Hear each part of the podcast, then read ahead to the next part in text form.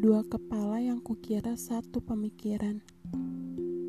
Kita dua raga yang kukira satu jiwa. Dan ternyata obrolan yang panjang dan padat pasti ada habisnya dan ada ujungnya. Ya, seperti sekarang ini. Gak tahu lagi apa yang mau dibahas. Gak mudah emang, ku tahu sangat melelahkan mencari topik bicara menyebalkan jadi manu yang banyak bertanya. Perihal perkiraanku, itu adalah kesalahanku, membuat suges sendiri untuk hati. Bukannya aku gak mau mencari topik, atau duluan memberi kabar.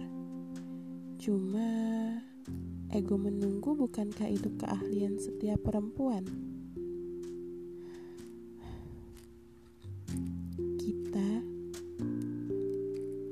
Dua hati yang kukira satu perasaan.